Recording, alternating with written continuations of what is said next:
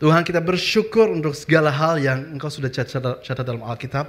Bukan cuma sekedar cerita atau kisah, tapi di dalamnya setiap halamannya kita melihat kemuliaan Tuhan. Dan ada banyak hal yang engkau mau wahyukan dan tunjukkan kepada kita yang kita bisa aplikasikan sampai hari ini. Bila hari ini engkau bicara, berikan kami semangat dan bantu kita semua membuka hati dan menerima firman-Mu. Di dalam nama Yesus semua katakan, amin.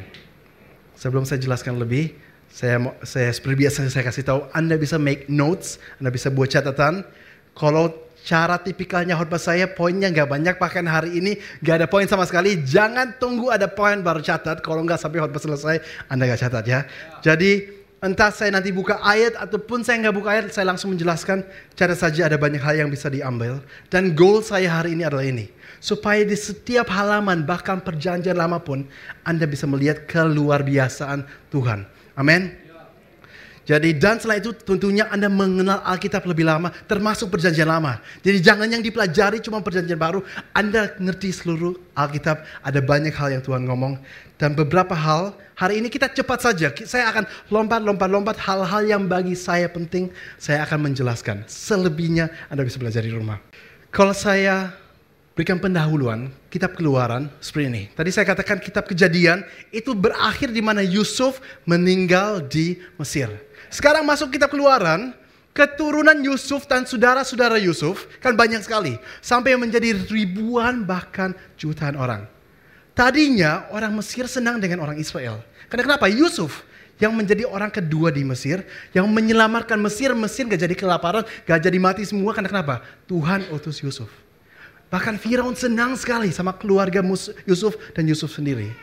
Tapi ratusan tahun berlalu.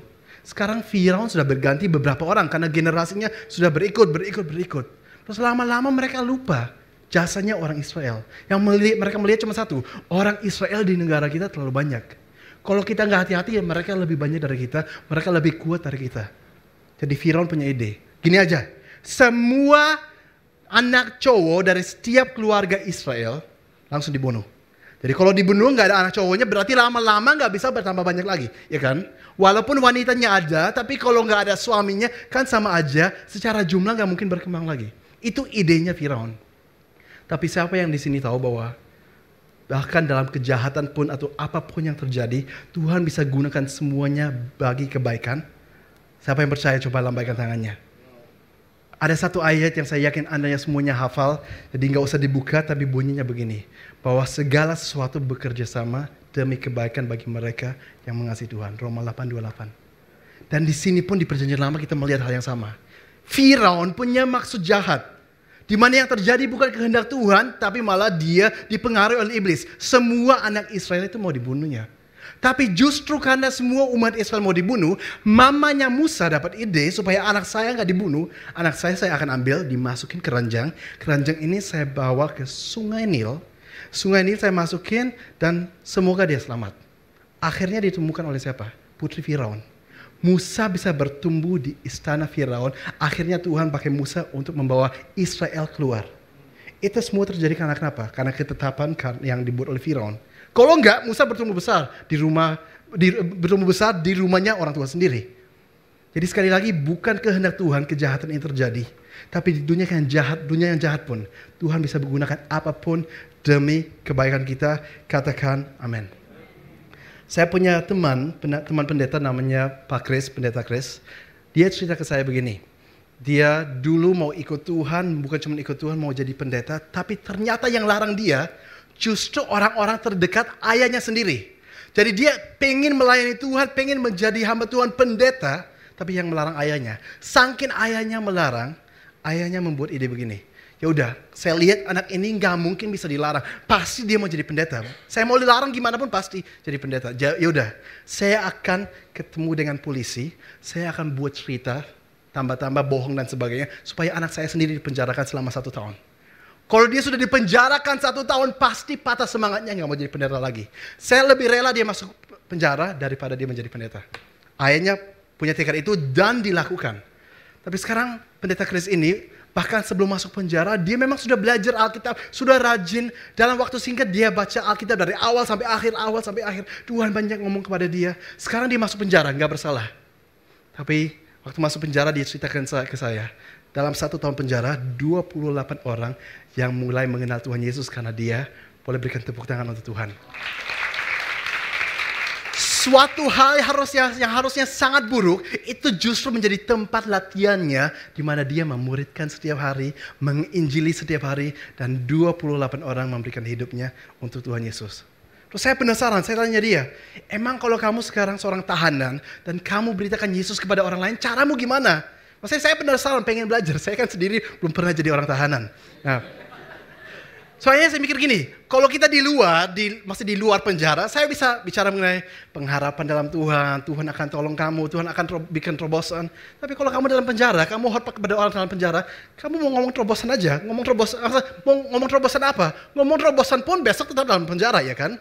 Jadi orang pikir ngomong kosong atau bicara kebaikan Tuhan, tapi besok mereka bangun masih dalam penjara. Jadi saya penasaran, kamu ngomong apa sih? Cara kesaksianmu, cara beritakan Injil dalam penjara kan caranya pasti beda. Terus dia cerita ke saya begini. Dibilang gini, saya kan orangnya supel, agak kocak. Dan memang bahkan waktu saya melayani di tempat dia, saya melihat bagaimana orangnya memang benar-benar orang iseng. Usil, jadi nggak pernah bisa diam. Semuanya diajak bercanda, setiap kali saya ketemu dia, sudah pasti hari itu saya akan full ketawa, gak mungkin nggak. Nah, bahkan orang jemaatnya sendiri dia pasti ganggu. Contohnya gini, waktu itu selesai ibadah, selesai ibadah kita masuk ke dalam mobil dia karena mau berangkat kan. Masuk ke dalam mobil dia sudah duduk, sekarang ada jemaat lain yang keluar dari gereja, orang tua ya, sudah tua, sekarang dibilang ke saya, coba ya saya kagetin mereka. Terus apa yang dia lakukan? Dia klarsonnya dibunyikan. Orang tua yang lewat malah kaget, padahal jemaat sendiri. Saya pikir kok berani, luar biasa banget. Terus contoh yang lain, waktu itu kita makan, makan rame-rame ada beberapa meja, ini meja kami, saya sama dia bersebelahan. Sekarang ada meja lain yang jemaat juga duduk makan. Terus ada satu opa ya, opanya lagi makan, terus dia bilang ke saya, coba saya mau ganggu opa ini. Dia telepon opanya, dia kasih tahu ke saya, ini nomor yang dia belum kenal. Jadi dia telepon opanya sementara makan, terus pura-pura dia orang lain. Bayangkan itu gembalanya gereja sendiri ya. Jauh lebih tua dari saya. Selalu usil, ketemu orang yang pakai batik, dia bilang gini, orang ini simpatik banget Terus saya pikir simpatik artinya apa? Kalau Inggris simpatis artinya gampang disukai. Tapi dijelaskan bukan simpan sebagai batik. Kurang asem. Jadi intinya Anda bisa punya bayangan orangnya kurang lebih seperti apa. Nah mau di mana, mau di gereja, mau hari ini sudah pendeta ya, mau di gereja, mau dulu penjara, orangnya sama. Jadi, jadi dia bilang, dulu saya di penjara karena saya orang yang seperti ini, orang lain tertarik. Semua pas lagi break, jadi sehari itu ada berapa jam yang boleh keluar dari ruangannya, yang boleh kumpul rame-rame. Orang suka kumpul dengan saya. Terus pas kumpul dengan saya, saya pikir daripada cuma bercanda biasa, coba saya juga lucu-lucu tentang Alkitab supaya nanti saya bisa ngomong Alkitab. Dia berikan contoh kepada saya yang dia bilang, dia bilang gini, Musa kan pernah, kalian tahu nggak, Musa kan pernah membelah laut merah, laut teberau. Saya heran kok bisa ya orang membelah laut. Saya aja pakai sapu lidi, pukul-pukul air nggak belah-belah. Terus kan teman-temannya semuanya sudah ketawa, terus habis itu dia kebaikan Tuhan, mujizat Tuhan dan sebagainya. 28 jiwa diselamatkan. Sekali lagi tepuk tangan untuk Tuhan. Walaupun iblis dan orang lain musuh punya rencana jahat, gak ada yang bisa bantalkan rencana baiknya Tuhan. Terus dia juga ceritakan, ke mana pun dia pergi sama, dia ke rumah sakit lama, ya saya bersyukur saya nggak pernah ke rumah sakit lama, tapi dia waktu itu lama harus masuk rumah sakit, dibilang belasan suster di rumah sakit itu terima Tuhan. Sakit pun, kelihatannya pasrah pun, Tuhan masih pakai demi kebaikan. Apakah ada contoh yang lain di Alkitab? Banyak sekali. Kalau sekarang kita bahkan ingat, eh nanti aja, kita lihat aja dulu ya. Coba ya. Ayat dulu, Yesaya 54 ayat 17. Setiap senjata yang ditempat terhadap engkau tidak akan berhasil.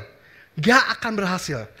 Dan siapa, setiap orang yang melontarkan tuduhan melawan engkau dalam pengadilan akan engkau buktikan salah. Tentunya itu kalau Anda di pihak benar. Jadi kalau Anda di pihak salah dan Anda Tuhan bantu Anda untuk orang lain jadi salah itu kan itu kan gak fair ya. Jadi tentunya ini Anda di pihak benar, Tuhan akan membela Anda. Artinya gitu. Inilah yang menjadi bagian hamba-hamba Tuhan dan kebenaran yang mereka terima daripadaku. Demikian firman Tuhan. Intinya apa? Tuhan cinta kita. Orang mau melawan kita pun Tuhan di pihak kita gak akan mempan. Mau orang seluar biasa apa, sehebat apa, seterkenal apa, Tuhan di pihak saya masih lebih kuat.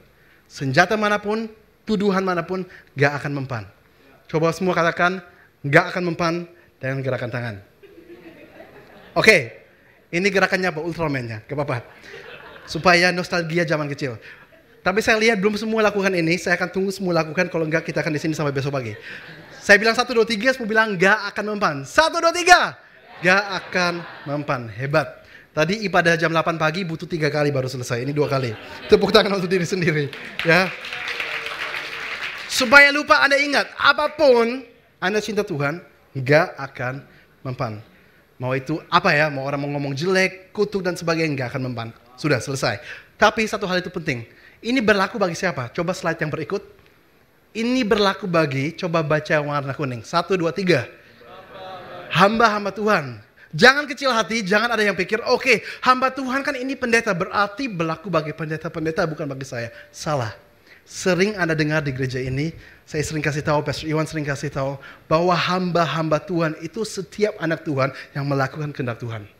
Memang ada orang yang dipanggil pendeta, yaitu panggilan khusus. Orang lain dipanggil ke mana pun, ibu rumah tangga, guru, dan sebagainya. Anda melakukan apa yang Tuhan suruh Anda lakukan, Anda hamba Tuhan. Jadi hari ini coba Anda introspeksi diri, dan Anda tanya diri Anda sendiri, apakah selama ini saya jadi hamba Tuhan? Dalam artian, Tuhan suruh saya lakukan sesuatu, saya lakukan enggak? Tuhan suruh saya beritakan Injil, saya beritakan Injil enggak? Saya melihat orang dalam kebutuhan, saya ringan tangan enggak? Saya melihat orang dia butuh untuk curhat, saya bisa berikan telinga saya dan waktu saya enggak? Atau saya enggak peduli? Apakah saya bisa digunakan Tuhan sehari-hari? Ya bukan pelayan hari minggu di gereja, sehari-hari untuk membesarkan kerajaan surga. Kalau saya orangnya, saya hamba Tuhan, saya termasuk hamba-hamba Tuhan, apa pun tidak akan mempan.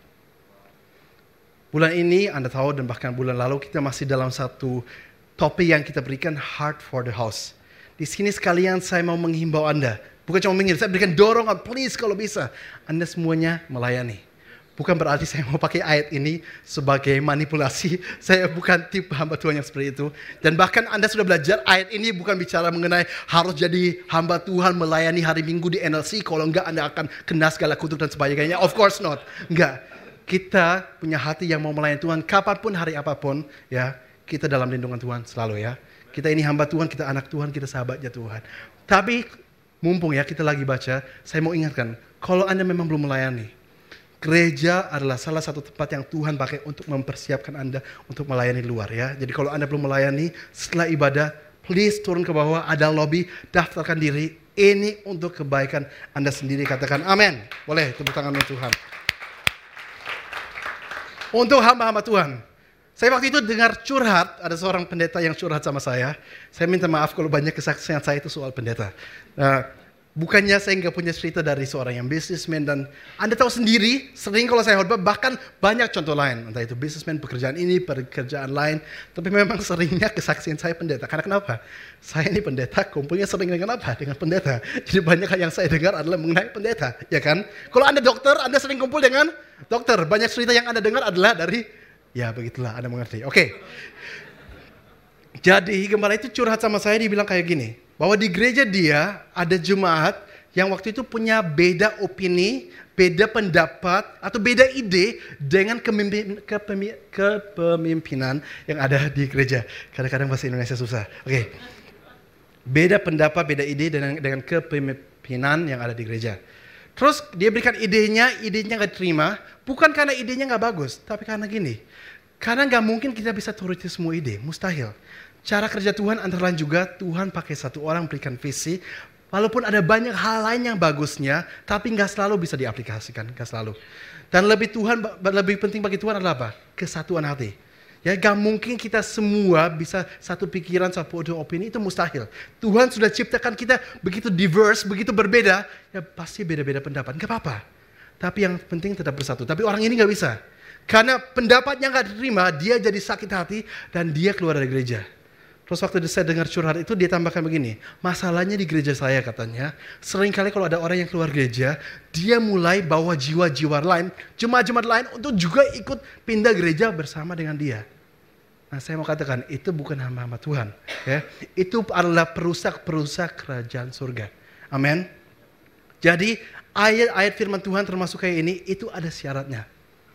Nah, biasanya orang yang gampang sakit hati atau orang yang suka merusak entah itu gereja atau apa pun itu biasanya orang yang peka Karena peka kenapa? Mereka punya antena. Antenanya apa? Mereka punya antena yang peka terhadap orang lain yang juga sakit hati. Akhirnya kumpul-kumpul, itu yang dinamakan pasukan orang-orang sakit hati. Ya kan? Biasanya itu yang merusak suasana dan sebagainya. Tapi saya bersyukur, saya melihat, benar-benar saya melihat di gereja ini sama sekali nggak ada. Coba berikan tepuk tangan untuk Tuhan. Saya bersyukur. Saya bersyukur kita nggak mengalami masalah, masalah ini. Tapi ini ya, by the way, ini aplikasinya bukan cuma untuk gereja ya. Ini saya sampaikan karena ini aplikasinya sampai ke rumah, ke tempat kerja dengan teman-teman Anda di sekolah dan sebagainya. Iblis tahu di mana ada kesatuan, di sana Tuhan perintahkan berkat. Mazmur 133, pasti berkat diperintahkan. Jadi salah satu tipu muslihat iblis adalah supaya nggak ada kesatuan. Beda pendapat, orang merasa saya kan ini lebih hebat, harusnya pendapat saya diterima. Jadi nanti di mana pun, di rumah, di tempat pekerjaan, kalau unity nggak ada, berkat nggak ada. Jadi jangan kita mau ikut tertipu oleh iblis. Amin. Kita selalu bersatu hati dan hal-hal luar biasa akan terjadi. Kembali ke ceritanya Musa. Jadi hal yang buruk pun Tuhan pakai demi kebaikan. Apakah di Alkitab ada contoh lain? Banyak sekali, terlalu banyak. Tapi kalau contoh yang paling luar biasa, kematian Tuhan Yesus di kayu salib. Kita baca di Alkitab bagaimana dikatakan iblis masuk Yudas supaya Yudas mengkhianati Yesus. Jadi Yesus itu sampai dihianati itu bukan kehendak Allah yang Tuhan rancangkan. Tapi itu yang terjadi dan bahkan Tuhan bisa pakai yang seperti itu pun demi kebaikan. Bahkan kita semua satu ruangan, bahkan satu dunia bisa diselamatkan gara-gara itu. Iblis cuma tahu satu, dikatakan sejak kita kejadian, keturunan Adam dan Hawa, mereka satu saat akan menghancurkan iblis. Itu satu nubuatan janji yang sudah dari ribuan tahun lalu. Terus sekarang iblis melihat kayaknya ini Yesus dari semua yang dibuat. Seandainya Yesus ini saya bunuh, apa yang sudah dirancangkan untuk keselamatan gak akan terjadi. Yang iblis nggak tahu justru dengan Yesus mati, justru keselamatan itu datang. Itu satu misteri Allah yang iblis dikatakan gak pernah bisa mengerti. Jadi apa yang dimasukkan oleh iblis untuk kejahatan, untuk keselamatan gak datang, justru keselamatan datang Tuhan terlalu baik, Tuhan terlalu luar biasa. Gak ada yang bisa menghalangi dia. Coba tepuk tangan untuk Tuhan yang luar biasa. Saya akan lanjut ceritanya. Sekarang Musa ini sudah bertumbuh besar, bertumbuhnya di mana? Di sekolah terbaik sedunia. Karena kita tahu zaman itu Mesir adalah negara terluar biasa seluruh dunia. Gak ada satu negara lain pun yang bisa menyaingi Mesir. Sekarang Musa bertumbuh besar di Mesirnya di mana? Bukan di salah satu sekolah, di istana Firaun. Jadi dari negara paling luar biasa di tempat sekolah yang paling luar biasa dia bertumbuh besar. Bahkan perjanjian baru ada satu orang mengutip mengatakan begini, Kisah Rasul 722. Di sini yang kutip adalah Stefanus. Anda Stefanus adalah martir pertama. Kalau Anda baca yang dirajam oleh batu dan pas dirajam batu dikatakan ada kemuliaan Tuhan di wajah Stefanus. Jadi seperti bahkan Stefanus gak merasa dirajam batu, gak merasa apa-apa karena Tuhan lindungi dia. Dia martir pertama sebelum dirajam batu. Salah satu bagian dari khotbah dia adalah mengenai Musa, di mana Stefanus katakan, dan Musa dididik dalam skala hikmat orang Mesir, dan ia berkuasa dalam perkataan dan perbuatan berkuasa, luar biasa, hebat, perkataan dan perbuatannya. Yang gak heran, sekolah terbaik seluruh dunia. Nah pertanyaan saya, kenapa waktu Tuhan mau selamatkan umat Israel, kenapa nggak pas ini aja? Di sini kurang lebih Musa, bukan kurang lebih, kita tahu persis usianya 40 tahun. Hebat. Kita tahu nanti waktu usia 80 tahun pas Tuhan mulai pakai dia, Musa katakan, Tuhan saya ini nggak pintar ngomong. Di sini nggak, sini dia pintar berkuasa dalam perkataan, dalam tindakan. Kenapa Tuhan nggak pakai di sini? Karena Tuhan nggak perlu pakai orang hebat. Tuhan nggak perlu pakai orang yang punya kemampuan, skill banyak, latar belakang sekolah yang baik. Tuhan nggak perlu. Dan saya nggak mau katakan, bukan cuma nggak perlu, bahkan Tuhan nggak mau pakai orang, walaupun hebat, kalau dia sombong. Tuhan nggak mau. Jadi Tuhan izinkan Musa diproses 40 tahun di padang gurun sampai satu saat dia sudah tua, dia kakek dan dia sudah kekuatannya mulai hilang. Tapi justru Tuhan melihat sekarang kamu siap dipakai. Usia 80 tahun. Karena saat itu setelah proses tersebut Alkitab mengatakan di seluruh perjanjian lama gak ada orang yang serendah hati, selemah lembut seperti Musa. Jadi kalau hari ini ada yang merasa aku sebenarnya ini pengen dipakai oleh Tuhan. Tapi saya melihat saya kemampuannya nggak ada, skillnya nggak ada. Kepintarannya saya sama orang lain saya kalah. Orang lain lebih kuat, lebih hebat, lebih pintar. Bapak ibu saudara, Anda nggak butuhkan itu semua. Tuhan cuma cari orang yang hatinya mau. Selebihnya dalam sekejap Tuhan bisa tambahkan. Amin. Ada satu ayat yang saya mau buka di Yakobus 4 ayat 6 bicara mengenai bagaimana Musa kan belajar untuk jadi rendah hati. Allah menentang orang yang congkak tetapi mengasihi orang yang rendah hati.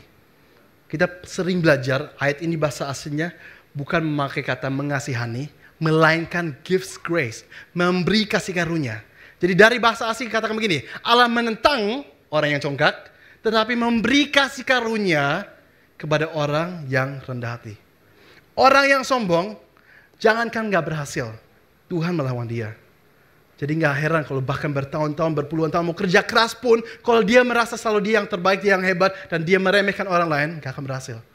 Tapi orang lain kemampuannya kelihatannya sedikit, tapi dikatakan Tuhan saya nggak punya apa-apa, tapi yang saya punya saya serahkan pada engkau, pakailah saya, Tuhan akan pakai dahsyat.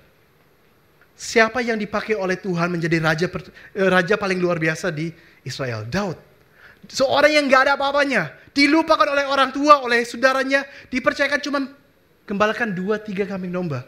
Kenapa Tuhan gak pakai orang lain aja, kuku-kukunya. Hebat, pinter perang dan sebagainya. Karena Tuhan mencari orang yang rendah hati. Bukannya Tuhan gak bisa pakai orang yang sombong. Tuhan bisa apa pun, tapi Tuhan gak mau. Cara kerja Tuhan adalah dia menentang orang yang congkak, memberi kasih karunia kepada orang yang rendah hati. Jadi mungkin hal yang kita bisa menanyakan hari ini, bahkan Anda boleh tulis, setelah ibadah ada pulang Anda renungkan, apakah di hidup saya ada, seperti di sini katanya, rasa congkak, rasa bangga. Saya mau jelaskan sedikit. Kita sudah belajar, ini rendah hati itu bukan berarti bahwa kita nggak boleh merasa saya mampu melakukan satu hal. Kita boleh merasa kita mampu melakukan satu hal.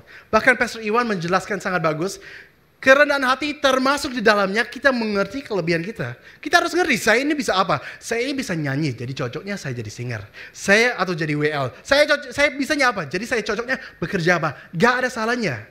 Tapi sombong itu artinya kalau bukan cuma saya tahu saya bisa, bahkan saya merasa hebat, saya merasa lebih hebat dari orang lain, saya melihat orang lain, saya menyepelekan. Saya merasa, oh nggak heran dia kayak gini, dia nggak bisa kok, dia harusnya belajar dari saya. Merasa yang terbaik. Jadi rasa bahwa dia selalu yang lebih baik, dia yang lebih hebat. Itu yang namanya congkak. Hari ini kita introspeksi diri, apakah ada? Jangan-jangan yang selama ini menjadi hambatan, kita pekerjaannya nggak luar biasa dan sebagainya. Mungkin ini. Mungkin karena kita selalu merasa, I'm the best, aku nggak butuh apa-apa, and so on, and so on. Tuhan justru memberikan kasih karunia kepada orang yang rendah hati. Yang menarik juga bagi saya, bagian 7a, ayat 7a dikatakan, karena itu tunduklah kepada Allah. Jadi ini menjelaskan ciri-ciri orang yang rendah hati adalah orang yang tunduk kepada Allah. Tuhan memberikan satu rencana, Tuhan katakan caranya begini. Dan akhirnya saya baca Alkitab, saya mengerti. Dan saya katakan, oke okay, saya tunduk, saya rendah hati. Saya mengerti Tuhan itu lebih pintar, saya ikut caranya Tuhan. Tapi cukup banyak orang mengatakan, ya saya tahu harusnya Tuhan bilang A, tapi saya maunya B. Jadi mereka nggak tunduk, mereka seolah-olah lebih pintar, mereka merasa cara mereka itu lebih luar biasa. Kayaknya saya lebih senang kalau saya lakukan ini. Banyak orang itu sebenarnya tahu, mereka kurang tunduknya di mana. Sebenarnya mereka tahu. Entah itu contohnya, mungkin dalam pekerjaannya mereka tahu ada hal-hal yang gak menyenangkan Tuhan. Atau Tuhan ngomong mengenai, kamu ini perlu lebih banyak habiskan waktu dengan Tuhan. Berdoa, baca Alkitab. Tapi dikatakan, gak ah, aku agak malas baca Alkitab. Banyak orang kan seperti itu. Saya baca Alkitab nanti aja, kalau saya sudah lebih tua. Ada saatnya. Banyak hal sebagainya. Seringkali kita ini sudah mengerti, kita kurang tunduknya di mana. Dan itu kesombongan di mata Tuhan. Dan sering kali setelah itu kita datang gereja hari Minggu, harapan kita satu. Saya berharap saya dengar khotbah, dan dalam khotbah ini saya dengar satu solusi. Seperti satu resep yang saya bisa pakai, yang membuat hidup saya luar biasa. Tapi Bapak Ibu Saudara harus tahu, itu nggak pernah akan terjadi. Anda sering kali atau kita sering kali sudah ngerti. Harusnya Tuhan mau nyapa. Dari hal-hal yang kita dengar dulu. Entah itu khotbah, baca Alkitab dan sebagainya. Waktunya kita aplikasikan. Firman Tuhan itu membahagiakan. Firman Tuhan itu menguntungkan. Coba kita semua melakukan. Amin. Banyak kunci yang Alkitab berikan, tinggal dipakai aja. Jadi kalau gini, ada orang katakan dia ini malas, malas-malasan gak suka kerja keras. Tapi dia pengen pe- apa usahanya diberkati. Akhirnya dia ketemu pendeta dan dia katakan, "Pak pendeta, tolong doakan saya supaya usaha saya laris." Terus pendetanya berdoa, gak terjadi apa-apa. Tapi Anda tahu nggak, nggak terjadi apa-apa, nggak ada terobosan. Itu karena kenapa? Karena orang itu malas-malasan. Terus malah dia nanti pikir, ini saya nggak diberkati karena pendeta saya berdoa kurang urapan. Ya bukan kurang urapan, Alkitab bilang siapa nggak bekerja janganlah ia makan, itu Alkitab. Alkitab katakan coba belajar pada semut yang bekerja di musim panas supaya musim dingin ada makanannya. Alkitab katakan kita anak Tuhan harus jadi anak yang, yang rajin.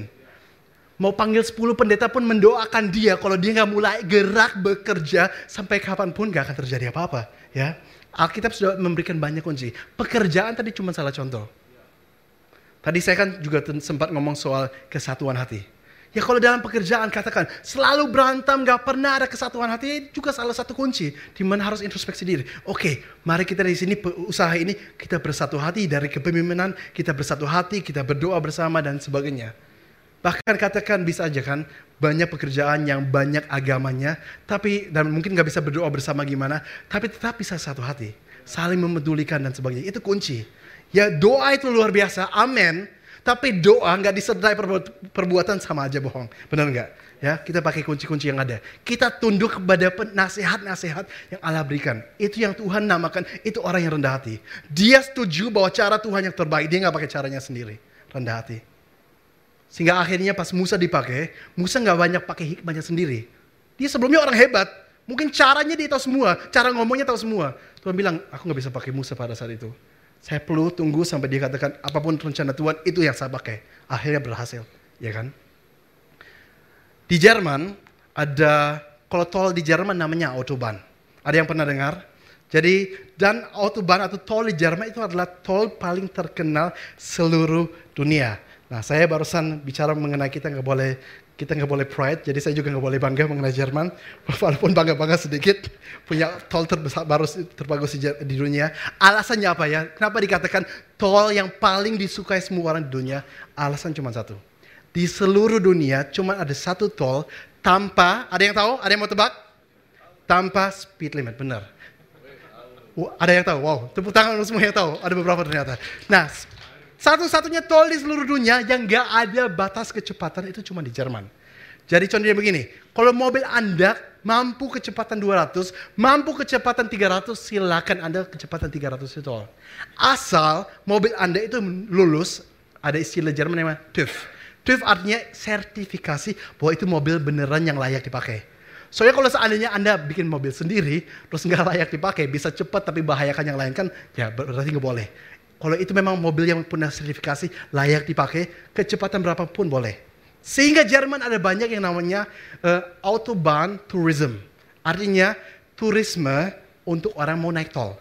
Jadi sering ada orang dari Italia, orang dari Prancis, orang dari Spanyol bawa mobil mereka. Entah itu Lamborghini, Maserati, Ferrari, dan sebagainya ke Jerman. Supaya akhirnya, kan dari dulu mereka punya mobil yang cepat. Tapi di negara sendiri ada batas kecepatan, nggak pernah bisa merasakan. Mereka ke Jerman untuk bisa merasakan mobil mereka cepat seperti apa. Sekarang katakan, ada pun termasuk orang yang ingin mengalami itu, walaupun saya berikan nasihat, sebaiknya jangan ya. Walaupun Anda berdoa, Tuhan lindungi saya, tapi masalahnya malaikat nanti ketinggalannya, sama aja bohong. Jadi kita juga pakai hikmat, kita jangan mencoba Tuhan, ya. Jadi sebaiknya jangan dilakukan, tapi ini contoh saja. Katakan Anda mau mengalami itu, autobahn turisme ke Jerman supaya bisa naik tol cepat. Sekarang ada mobil yang super bagus, super cepat, sudah tersedia, kuncinya diberikan kepada Anda. Sekarang mau naik tol tapi sekarang masuk mobil dulu, masuk mobil, mau nyalakan mobil pakai apa? Pakai kunci. Tapi Anda ingat, saya ini anak Tuhan, ngapain saya pakai kunci? Saya doa aja, pasti mobilnya nyala. Nyala nggak? Jujur, nggak akan nyala kan? Oke, okay. habis itu Anda katakan, oke okay, saya berdoanya mungkin kurang sungguh-sungguh. Anda di, basar, di, di mobil, basah roh dulu, doa sampai goyang-goyang, mobilnya nyala nggak? Tahu nggak, Anda mau doa sampai sampai jungkir balik, mobilnya nggak akan nyala. Karena di dunia ini ada berapa-berapa hal yang Tuhan sudah tetapkan, bagaimana cara suatu itu berfungsi.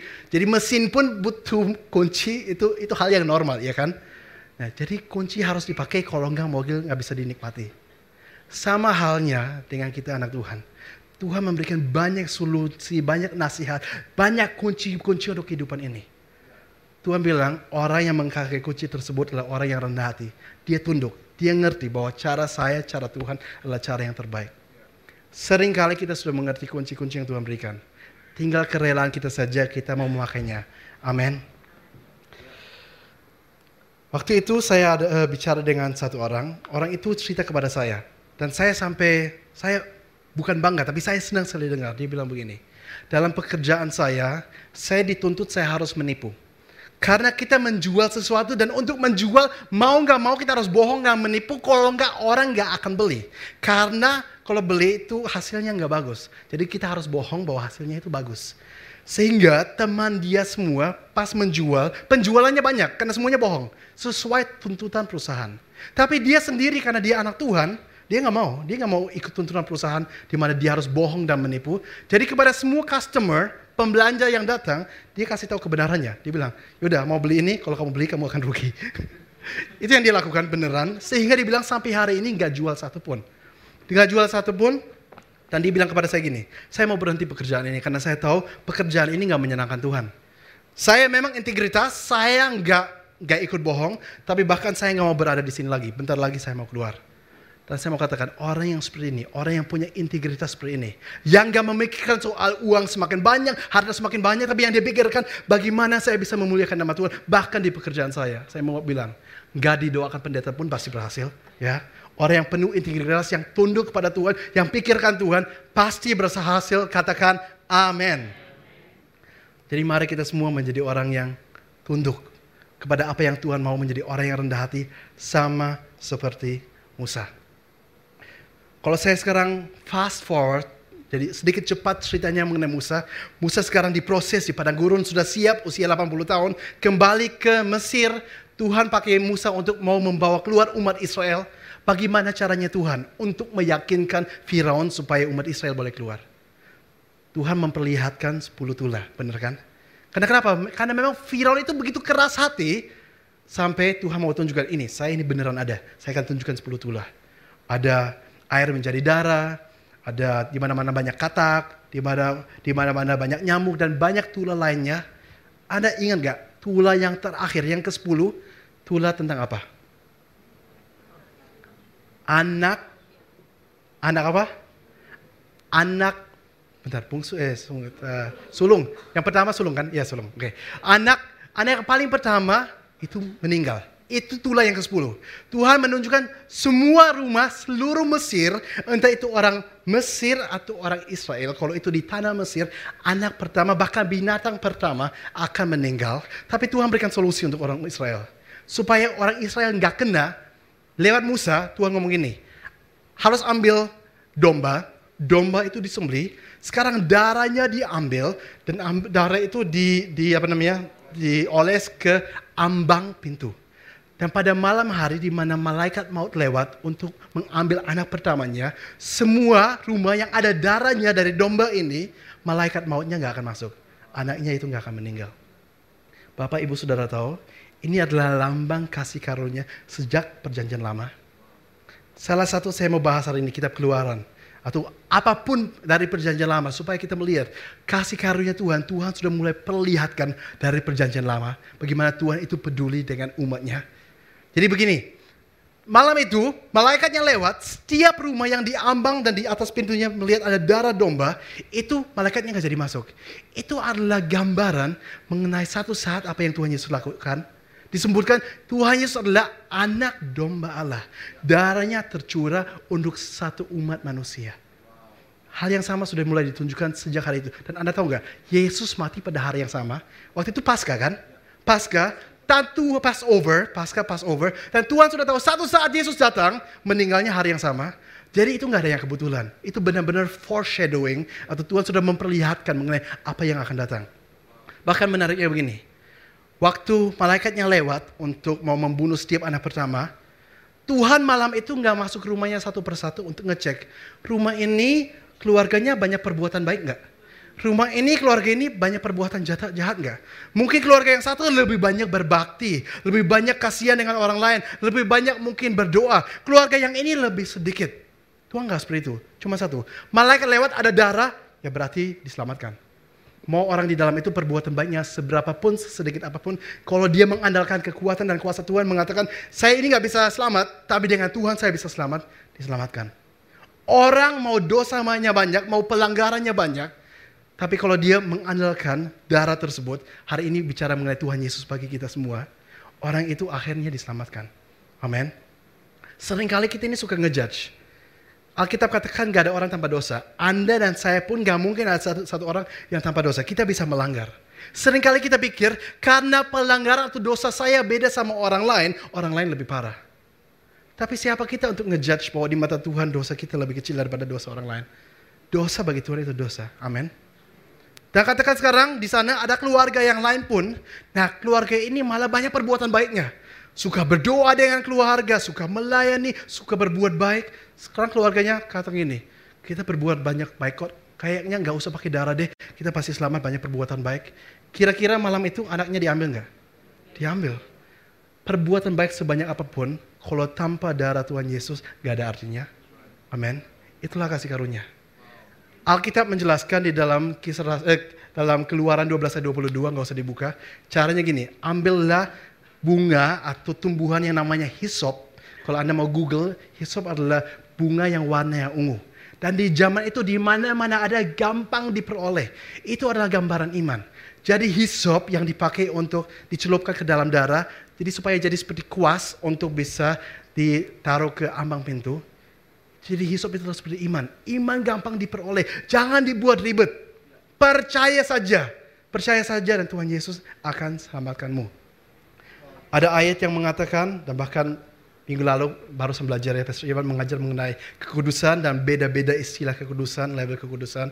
Nah, Efes 2 ayat 8 dan 9 dikatakan sebab karena kasih karunia kamu diselamatkan oleh iman. Jadi karena darah tersebut, bukan karena apa yang kamu bisa buat. Itu bukan hasil usahamu, tapi pemberian Allah. Itu bukan hasil pekerjaanmu. Jangan ada orang yang memegahkan diri. Jangan ada satupun yang merasa, saya ini selamat karena usaha dan pekerjaan saya. Kata Tuhan, jangan. Jangan ada yang memegahkan diri. Kamu seluar biasa apa pun, tanpa Tuhan Yesus kamu masuk neraka. Itu artinya seperti itu. Dan sekarang banyak orang ambil ayat tersebut, atau karena salah mengerti Alkitab, sebagai license to sin sebagai oh berarti ini saya hidup dalam dosa nggak apa-apa kan? Kan Tuhan ampuni semua bukan usaha saya. Ya itu ngawur juga. Karena kenapa? Ayat berikutnya langsung mengatakan ditampilkan Efesus 2 ayat 10. Jadi tadi ayat yang saya kutip langsung lanjutnya ke sini. Karena kita ini buatan Allah diciptakan dalam Kristus Yesus untuk melakukan pekerjaan baik. Memang Tuhan mau kita melakukan pekerjaan baik yang dipersiapkan Allah sebelumnya. Sebelum saya lahir pun, Tuhan sudah punya rencana. Carson satu saat akan melayani gini, akan lakukan apa. Orang lain namanya siapa? Saya sudah punya rancangan dan jalan yang saya siapkan yang indah untuk dia. Pekerjaan baik yang akan dia buat, yang memuliakan nama saya. Sudah dipersiapkan sebelum saya lahir. Ia mau, Tuhan mau, supaya kita hidup di dalamnya. Masalahnya sering kali di sana. Tuhan sudah sediakan sebelumnya jalannya yang harusnya kita alami Yeremia 29 ayat 11 kalau nggak salah mengatakan rancangan Tuhan bagi kita adalah rancangan damai sejahtera bukan rancangan celaka. Masalahnya banyak orang gak mau, gak mau tunduk, gak mau rendah hati, gak mau tunduk untuk hidup dalam rencana tersebut. Berapa banyak anak Tuhan yang Anda sendiri kenal yang hidupnya gak dekat dengan Tuhan? Apakah itu rencana Tuhan? Berapa banyak anak Tuhan yang hidupnya gak berhasil? Karena mereka pakai cara mereka sendiri dan mereka mau hidup seenaknya sendiri. Padahal Tuhan sudah sediakan. Jadi perbuatan baik itu ada, tapi jangan salah. Kapan? Setelah kita selamat. Sebelum kita menerima keselamatan, semua perbuatan baik nggak ada artinya. Tanpa Yesus sama aja sia-sia. Tapi kalau kita sudah bertobat, pasti perbuatan baik itu muncul. Kasih karunia itu akan membuat kita mau hidup semakin dekat dengan Tuhan. Amin. Kalau perbuatan baik muncul-muncul berarti pertanyaan, tanda tanya besar, apakah benar saya sudah terima Kristus? Gak ada orang terima Kristus hidupnya gak berubah. Karena kenapa? Kristus itu terlalu, terlalu luar biasa. Ketemu kita, kita pasti berubah. Tepuk tangan untuk Tuhan.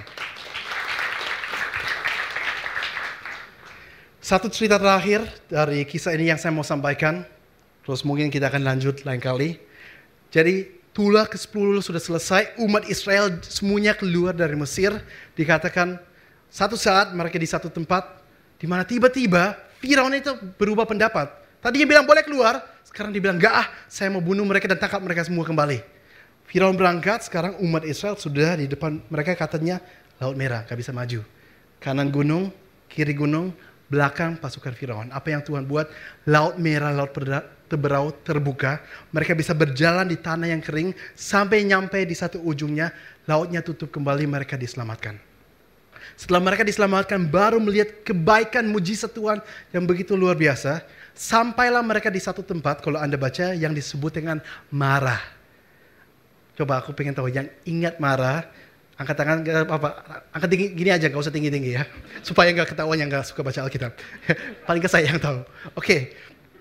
jadi mereka sampai di satu tempat yang namanya Mara dari waktu barusan rombongan kami tanggal 27 Mei berangkat ke Israel berapa orang kita juga ke Mara kan yang masih ingat. Jadi Mara itu ternyata masih di Mesir jadi waktu kita di Mesir, jadi sudah mau ujung Mesir, hampir mau masuk Israel. Jadi nggak terlalu jauh kalau nggak salah ingat dari perbatasan tempat Marah tersebut. Dan bahkan karena kita memang lewat, jadi akhirnya bus kita, kita berhenti, kita turun, dan kita berjalan ke Marah untuk bahkan kita beribadah di sana. Nah saya jujurnya ya, saya nggak tahu apakah itu beneran tempat yang persis sesuai seperti yang berapa ribu tahun yang lalu, siapa yang mau tahu hari ini. Tapi dengan iman ya, tempat yang sama kita beribadah di sana, memuji Tuhan, kita dengar khotbah. Nah, By the way, dan saya juga lihat, itu benar tempatnya itu gersang. Kiri, kanan semuanya, itu benar-benar cuma apa namanya, pasir saja. Seandainya mereka nggak bangun jalan, kan kita naik bus jadi ada jalannya. Seandainya jalan itu nggak ada, benar-benar kalau saya lihat semuanya itu benar-benar cuma pasir. Umat Israel sekarang nyampe di sana. Semuanya pasir padang gurun. Mereka haus. Nyampe di Marah. Masalahnya airnya nggak bisa diminum. Karena air itu pahit. Coba kita baca aja. Ayat yang berikut Sampailah mereka ke Mara, tetapi mereka tidak dapat minum air di Mara itu karena pahit rasanya. Itulah sebabnya dinamai orang tempat itu Mara. Lalu bersungut-sungutlah.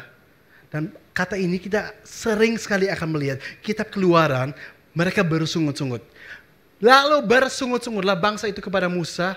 Kata mereka, apakah yang akan kami minum? Menariknya begini, Kejadian marah persis sebelumnya yang kita baca di Alkitab, kitab keluaran adalah Tuhan barusan selamatkan mereka dengan cara begitu ajaib. Barusan melihat 10 tula yang apa yang ada di Mesir dan mereka diselamatkan. Setelah itu mereka keluar dari Mesir, umat Israel dikejar oleh Firaun dan pasukannya, Laut Merah terbuka. Laut Merah terbuka, sekarang yang tenggelam siapa? Malah Firaun dan pasukannya dan sebagainya. Jadi setiap hari yang mereka melihat melihat apa? Mujizat. Cuma sedikit kemudian langsung berikutnya kita baca di Alkitab, sedikit masalah langsung apa bersungut-sungut. Kita hari ini baca cerita ini, kita pikir kok bisa ya? Kalau seandainya saya melihat sebanyak mujizat seperti mereka. Sepuluh tula, laut merah terbelah dan sebagainya. Pasti. Saya ini gak mungkin bersungut-sungut. Saya sudah tahu Tuhan pasti akan tolong saya. Itu pikiran kita kan baca ini. Sedangkan kalau kita jujur. Berapa banyak anak Tuhan yang hari ini persis hidupnya begini. Kumpul hari Minggu, meriah, kita nyanyi, kita memuji Tuhan. Masuk hari Senin, Selasa, Rabu, Kamis, Jumat, Sabtu. Dengan masalah-masalah yang ada, bersungut-sungut. Kalau kita baca di Alkitab, dijelaskan di Mazmur. Waktu mereka barusan keluar dari Laut Merah yang terbelah, ada lagu yang mereka nyanyikan. Jadi mereka satu umat memuji Tuhan. Bahkan saking terkenal lagunya masuk ke Mazmur. Kita bisa baca nyanyian mereka mengenai keselamatan yang Tuhan berikan. Barusan memuji Tuhan, Sedikit kemudian masalah sedikit bersungut-sungut. Jadi ini reminder kepada kita. Kita sampai hari ini sudah melihat begitu banyak mujizat. Begitu banyak pertolongan Tuhan, tuntunan Tuhan. Kalau Anda ada hari ini sebagaimana Anda ada, itu semua kebaikan Tuhan yang setuju katakan amin. Kalaupun di hidup ini kadang-kadang ada masalah, jangan khawatir. Kalau sampai hari ini Tuhan sudah menolong, sampai kapan pun Tuhan tetap akan menolong. Bersukacitalah selalu. Satu hal yang Terakhir yang saya mau ambil dari ayat ini, yang saya teringat begini. Solusi yang Tuhan berikan untuk mara atau untuk air yang pahit yang gak bisa diminum, saya nggak tampilkan, tapi di ayat-ayat berikut Anda baca bagaimana ada kayu yang Tuhan tunjuk. Kayu itu diambil, dilemparkan ke dalam sumur mara, dan air itu menjadi manis, semua orang bisa minum. Nah, waktu saya belajar dari bahasa asli, karena saya kepengen tahu, saya belajar bahasa Inggris dan bahkan bahasa Inggris, di sana ternyata bukan tulisnya kayu tulisnya log atau tree. Kalau tree itu pohon yang masih hidup. Kalau log itu ada balok, adalah balok pohon yang besar atau balok pohon lah. Tapi mungkin sudah mati. Tapi intinya itu jangan kebayangan kita kayu kecil dipunggut dilempar. Enggak. Itu benar-benar satu log atau satu kayu yang besar dilemparkan ke dalam. Itu yang menjadi solusi. Itu pun kembali adalah lambang atau foreshadowing mengenai kasih karunia Tuhan yang akan datang. Di mana satu saat di kayu salib Yesus itu akan selamatkan semua orang yang harusnya menjadi kematian bagi semua orang menjadi kehidupan bagi semua orang. Di sini Tuhan tunjukkan hal yang sama. Ada satu kayu, ada satu apa tree, salib juga sering disebut tree, dilemparkan ke dalam hal yang harusnya mematikan menjadi keselamatan bagi seluruh bangsa itu. Bapak Ibu Saudara, kalau kita baca Alkitab dengan hati yang rindu, hati yang haus, di setiap halaman kita baca mengenai keluar biasaan Tuhan, kebaikan Tuhan, dan kasih karunia Tuhan yang Tuhan sudah mulai perlihatkan dari perjanjian lama. Yang percaya berikan tepuk tangan paling meriah untuk Tuhan Yesus.